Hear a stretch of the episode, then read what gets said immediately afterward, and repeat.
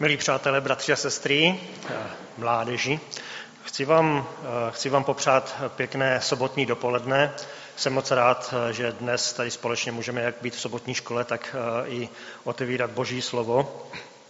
Já doufám, že alespoň trošku máte rádi objevování biblických osobností, alespoň trošku máte rádi takový nějaký probírání, probírání historie, protože já si musím říct, že ta dnešní, to dnešní zamýšlení, to dnešní kázání bude směrováno tady tímhletím směrem, ale přesto doufám, že se mi, že se mi podaří z té, z té dávné doby, z té historie něco přenést i prostě pro nás do té dnešní doby. A ty myšlenky, myslím si, že Bible, Bible eh, častokrát směřuje eh, tím, že eh, do určité míry se dějiny častokrát opakují v různých, v různých sice tedy obměnách, ale, ale principiálně, principiálně častokrát zůstává, jako věci, věci se opakují.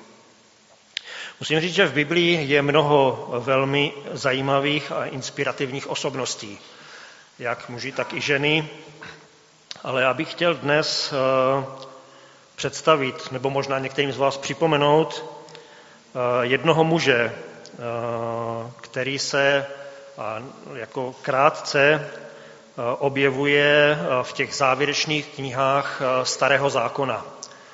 Takže budu mluvit o osobnosti ze Starého zákona a musím říct, že jeho jméno nám takový na, na ten první poslech může připadat tak trošku čertovsky. A jeho jméno je Zerubábel. Já nevím, jestli ji znáte. Podle některých překladů také Zorobábel, a, ale až, ať tak či onak, budu mluvit o muži, e, jehož jméno, a to jsem byl docela překvapený, protože jsem to nevěděl, se dostalo do obou sepsaných rodokmenů Ježíše Krista. Takže pokud e, si otevřete jako rodokmen v Matoušově evangeliu, tak v Lukášově evangeliu, jestli to říkám správně, říkám snad, tak tam, e, tam jeho jméno je. Je to žid a to dokonce z královské linie. A jak píší znalci, tak je to poslední známé jméno z přímé královské linie, tedy z královské linie Davidovské. Takže osobnost, ale to jeho jméno. Připadá vám židovské? Není. Není ani trochu hebrejské. A ještě, co to znamená? V cizím jazyče, v babylonštině, Zerubábel, potomek Babylonu. Babylon neměl nikdy, ať už přímo nebo symbolicky v Biblii, příliš moc dobrou pověst. Neznám pasáže, kdyby se eh, Babylon vyskytl v nějakém pozitivním, vyloženě nějakém pozitivním světle. A tak bychom nejspíš očekávali, že i muž s tímto jménem bude mít eh, u svého jména takový nějaký dovětek, hm, že v těch hospodinových očích činil, co bylo zlé. Ale Zerubábel eh, takový nebyl. A musím říct, že se, že se, že se tady tomuhle tomu nasměrování eh, obloukem vyhnul. Ale proč mu jeho rodiče nedali hebrejské jméno a navíc ho ještě cizojazyčně pojmenovali potomek Babylonu? A teď trošku možná do historie. Narodil se v období, kdy jeho rodina už eh, poměrně dlouhou dobu pobývala jako odvedenci, jako napůl zajatci v Babyloně.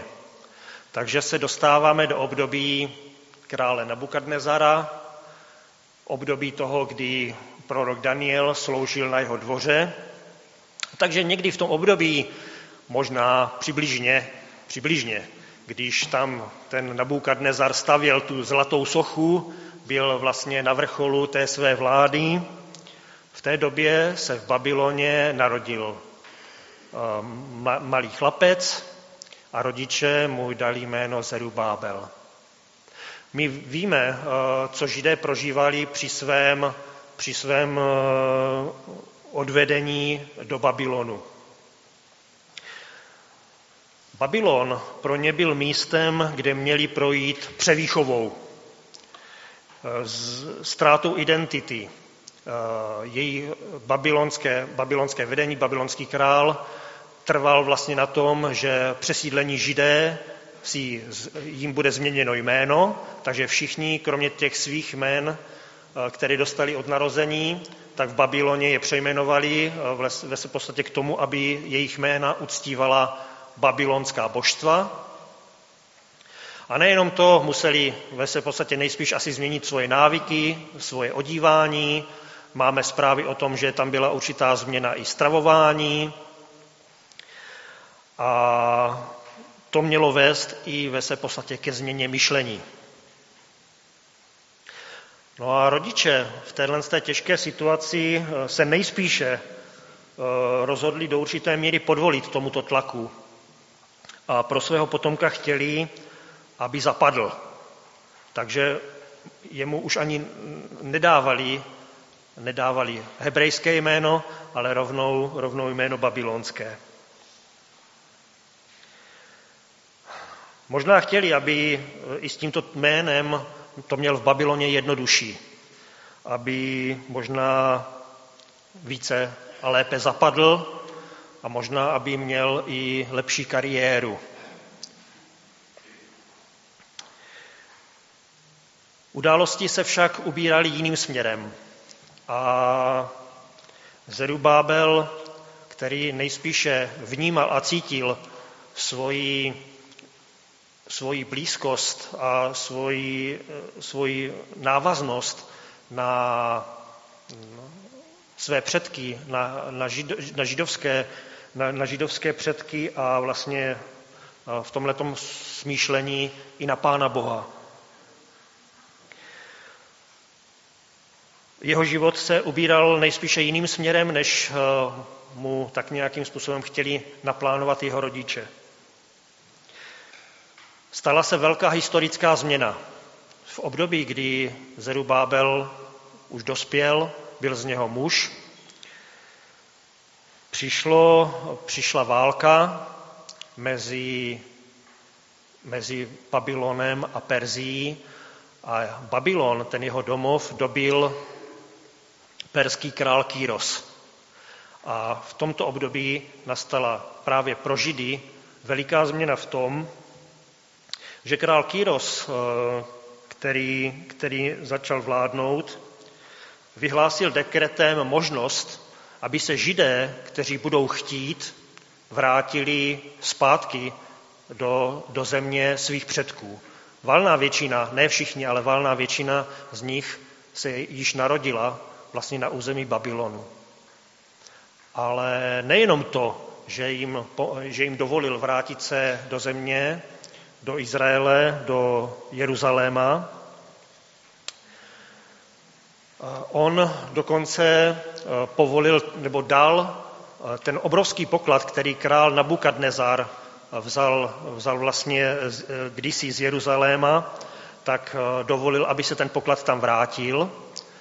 Ještě, ještě něco navíc, dokonce i z té perské pokladnice, z pokladnice krále, on zafinancoval nejenom, nejenom vlastně návrat těch židů, ale obnovu Jeruzaléma a obnovu chrámu. A když si to vezmete, že vlastně se jedná o pohanského krále, tak je to prostě neuvěřitelný. Prostě něco takového.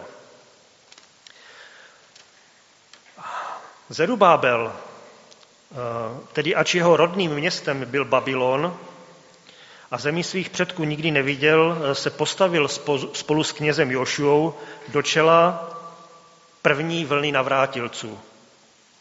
Byl to pro ně eh, naplnění, bylo to pro ně naplnění božího zaslíbení, které, které znali vlastně od proroků, eh, kteří, kteří, kteří dříve mluvili. Na cestu se tehdy vydalo necelých 50 tisíc lidí. Zdá se to hodně, 50 tisíc lidí na cestě, ale pořád to byla jenom menší část těch židů, kteří pobývali v cizí zemi. Na vrátilce čekala dlouhá cesta, na jejím konci bylo město i boží chrám v troskách. Čekalo je mnoho práce, problémů i nepřátelství. A nejen to, i nepřejícnosti ze strany okolních národů a lidí, kteří eh, tam do té doby žili. Ale co je také trápilo, bylo v, určitých, v určitém období i ztráta vlastní orientace toho, co je důležité a co má své priority. A tady bych si dovolil první text, kterým, o kterém bych, který bych rád přečetl, a to je text z proroka Zachariáše. Zachariáše budu číst od čtvrté kapitoly, šestý až desátý verš.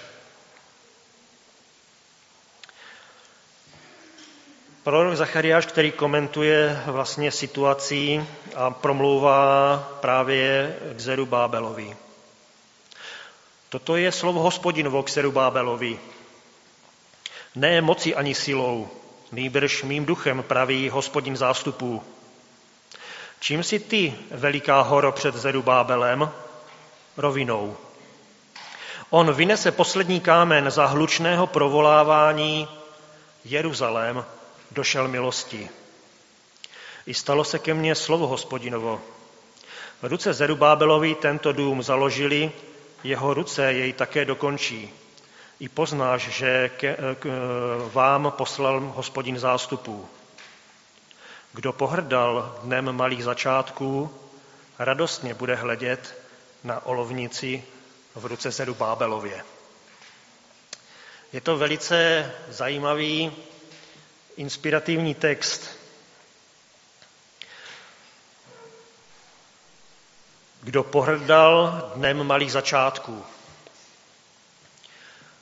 Něco budovat, něco stavět, něco opravovat. Častokrát eh, tyhle ty věci nejdou tak, jak bychom si představovali. Když eh, člověk odkryje, častokrát se ukáží problémy, vady, netěsnosti. A stejně tak to bylo i v situaci, kdy se navrátilci vrátili do Jeruzaléma. Najednou se před nimi vyrojilo, objevilo mnoho problémů, mnoho těžkostí. To, co museli prvně udělat, je opravit si, aby měli svoji vlastní střechu nad hlavou, aby měli co jíst, aby tam nějakým způsobem eh, byli schopni fungovat. A nic z toho nebylo úplně jednoduché. Ale i přes tohle to všechno eh, se právě Zerubábel eh, spolu vlastně s knězem Jošuou postavili do čela a pozbuzovali. I přes to všechno, co se, co, i přes všechny ty problémy, které tam byly, ale vítězila víra v to, že Pán Bůh vykoná mocné dílo pro svůj lid a že překážky, které se nám, nebo které se zdají nepřekonatelné, se překonají. Potomek Babylona, potomek Babylonu, Zerubábel, svojí vírou v boží zaslíbení pozdvihoval a posilňoval svoje spolupracovníky a navrátilce. Prorok Ageus popisuje jednu situaci, která nastala a museli, museli v Jeruzalémě řešit. Prorok Ageus a budu číst v první kapitole od druhého do devátého verše. Toto praví hospodin zástupů, tento lid říká, ještě nepřišel čas, čas k budování hospodinova domu. I stalo se slovo hospodinovo skrze proroka Agea. Je snad čas k tomu, abyste si bydleli v domech vykládaných dřevem, zatímco tento dům je v troskách? Nyní toto praví hospodin zástupů. Vezměte si k srdci své cesty. Sejete mnoho a sklízíte málo. Jen jeste, nenasytíte se, jen píte, žízeň neuhasíte, jen se oblékejte, nezahřejete se. Kdo se dává najmout za mzdu, ukládají do děravého váčku. Toto praví hospodin zástupů.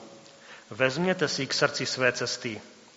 Vystupte nahoru, přivezte dříví a budujte dům. V něm budu mít zalíbení, v něm se oslaví pravý hospodin. Pachtíte se za mnoha věcmi a máte z toho málo. Lidé si samozřejmě nejdříve museli zajistit vlastní bydlení, aby měli střechu nad hlavou. Jenže následně jim pak začaly trošku kolabovat jejich priority. Místo následného budování chrámu a bohoslužeb si začali vyšperkovávat své domovy. Stěny obložené dřevem, my bychom dnes řekli designový interiér, ale je ku podivu, že když jim zaznělo toto poselství od proroka Agea, vzali ho vážně a šli do sebe, což nebývá většinou pravidlem. Stavba chrámu se v tom čase výrazně pohnula. A vedoucí stavby, místo držitel Zerubábel, spolu s ostatními chrám dokončil. Musím však říct, a zaznívá to i z těch biblických textů, že oproti tomu Šalamounovu chrámu to byla spíš chýše.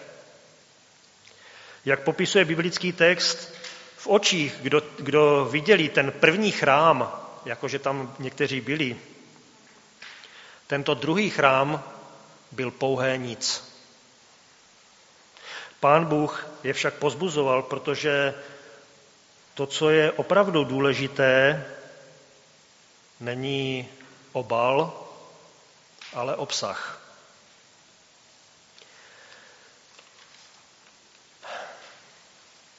Dokonce i u proroka Agea můžeme číst biblické texty, kdy pán Bůh říká to, že druhý chrám bude ve větší slávě než ten první. A my už vlastně samozřejmě na to, když se díváme zpětně z dějin, můžeme vidět, že vlastně tuhle tu stavbu, teda už musím říct, že i po těch obdobích řádně zrekonstruovanou, navštívil Ježíš Kristus. A vnímáme i to, že opravdu jeho, jeho přítomností, jeho přítomností tenhle ten chrám prožil daleko větší slávu.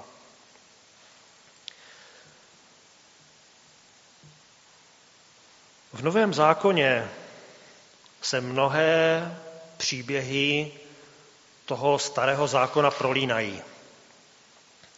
A určitě i tenhle ten příběh eh, odchodu z Babylona a i těch, té Zerubábelové stavby chrámu mají přesah eh, nejenom do těch novozákonních textů, ale jsem přesvědčen o tom, že mají přesah i do těch našich dnů, alespoň o tom, jak podle toho, jak rozumím, jak rozumím biblickým textům. A tak, když přemýšlím o příběhu a poselství o Zerubábelovi a výtí z Babylonu, musím se přiznat, že mě hned naskočí biblické texty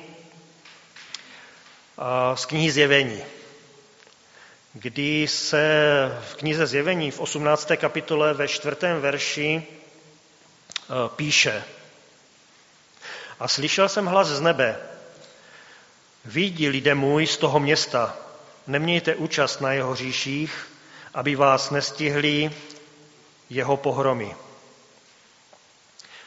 Babylon, jak už jsem řekl, nemá v písmu příliš pozitivní postavení.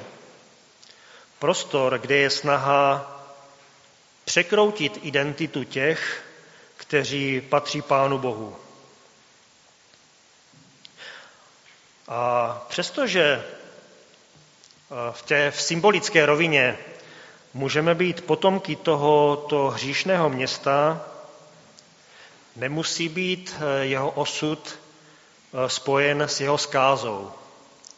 Stejně tak jako kdysi potomek Babylonu byl směrován k tomu, aby, aby tam zůstal, ale nakonec se rozhodl spolu s božím lidem vystavět Jeruzalém. Jsou to samozřejmě symboly. A i v těchto symbolech je pro mě Zerubábel takovým předobrazem Ježíše, který vede svůj lid eh, do zaslíbené země. A když přemýšlím o tom budování chrámu, který oni tam eh, tenkrát budovali, zase mi naskočí biblický text, který je eh, z prvního listu Petrova, kde eh, apoštol Petr, myslím si, že také vlastně i v té, v té symbolice toho, tohoto prostě stavebního počinu píše vlastně věřícím v první církvi, kdy píše I vy buďte živými kameny, z nich se staví duchovní dům, abyste byli svatým kněžstvem a přinášeli duchovní oběti milé Bohu pro Ježíše Krista. Máme zde myšlenku o stavbě. A když když vlastně vezmu nejenom tady ten text, ale i vlastně myšlenky vlastně nového zákona, spojí se mě to, spojí se mě to právě eh, s božím lidem, s budováním, s budováním vlastně duchovního společenství. A myslím si, že přesně na tohle naráží i Petr. A musím říct, že když jde o budování toho duchovního společenství, Musím se přiznat, že mě trošku mrzí, a to není, to není teďka, věřím tomu, jak si řeč přímo pro vás, ale je mnoho křesťanů a i mnoho adventistů, kteří z různých důvodů vlastně rezignovali na budování křesťanského společenství. Křesťanského společenství podle rad a principů, které můžeme najít v novozákonních textech s tím. Možná, že už je jiná doba a není to potřeba,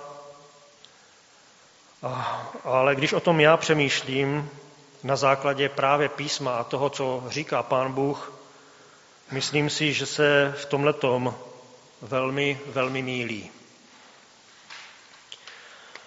Moc bych si přál, aby eh, aby ti, kdo tímhletím směrem eh, přemýšlí a jdou, to poctivě probrali skrze písmo s Pánem Bohem. Při budování společenství, stejně tak jako při budování chrámu, je i spousta těch malých dní, jak píše ten úvodní text. Kdy to nejde třeba vůbec hladce, a třeba se to ani nehýbe nebo někde zadrhává. Ale i přesto, pokud se držíme Pána Boha, je to boží dílo a Pán Bůh si to dovede do toho závěru, který on sám chce.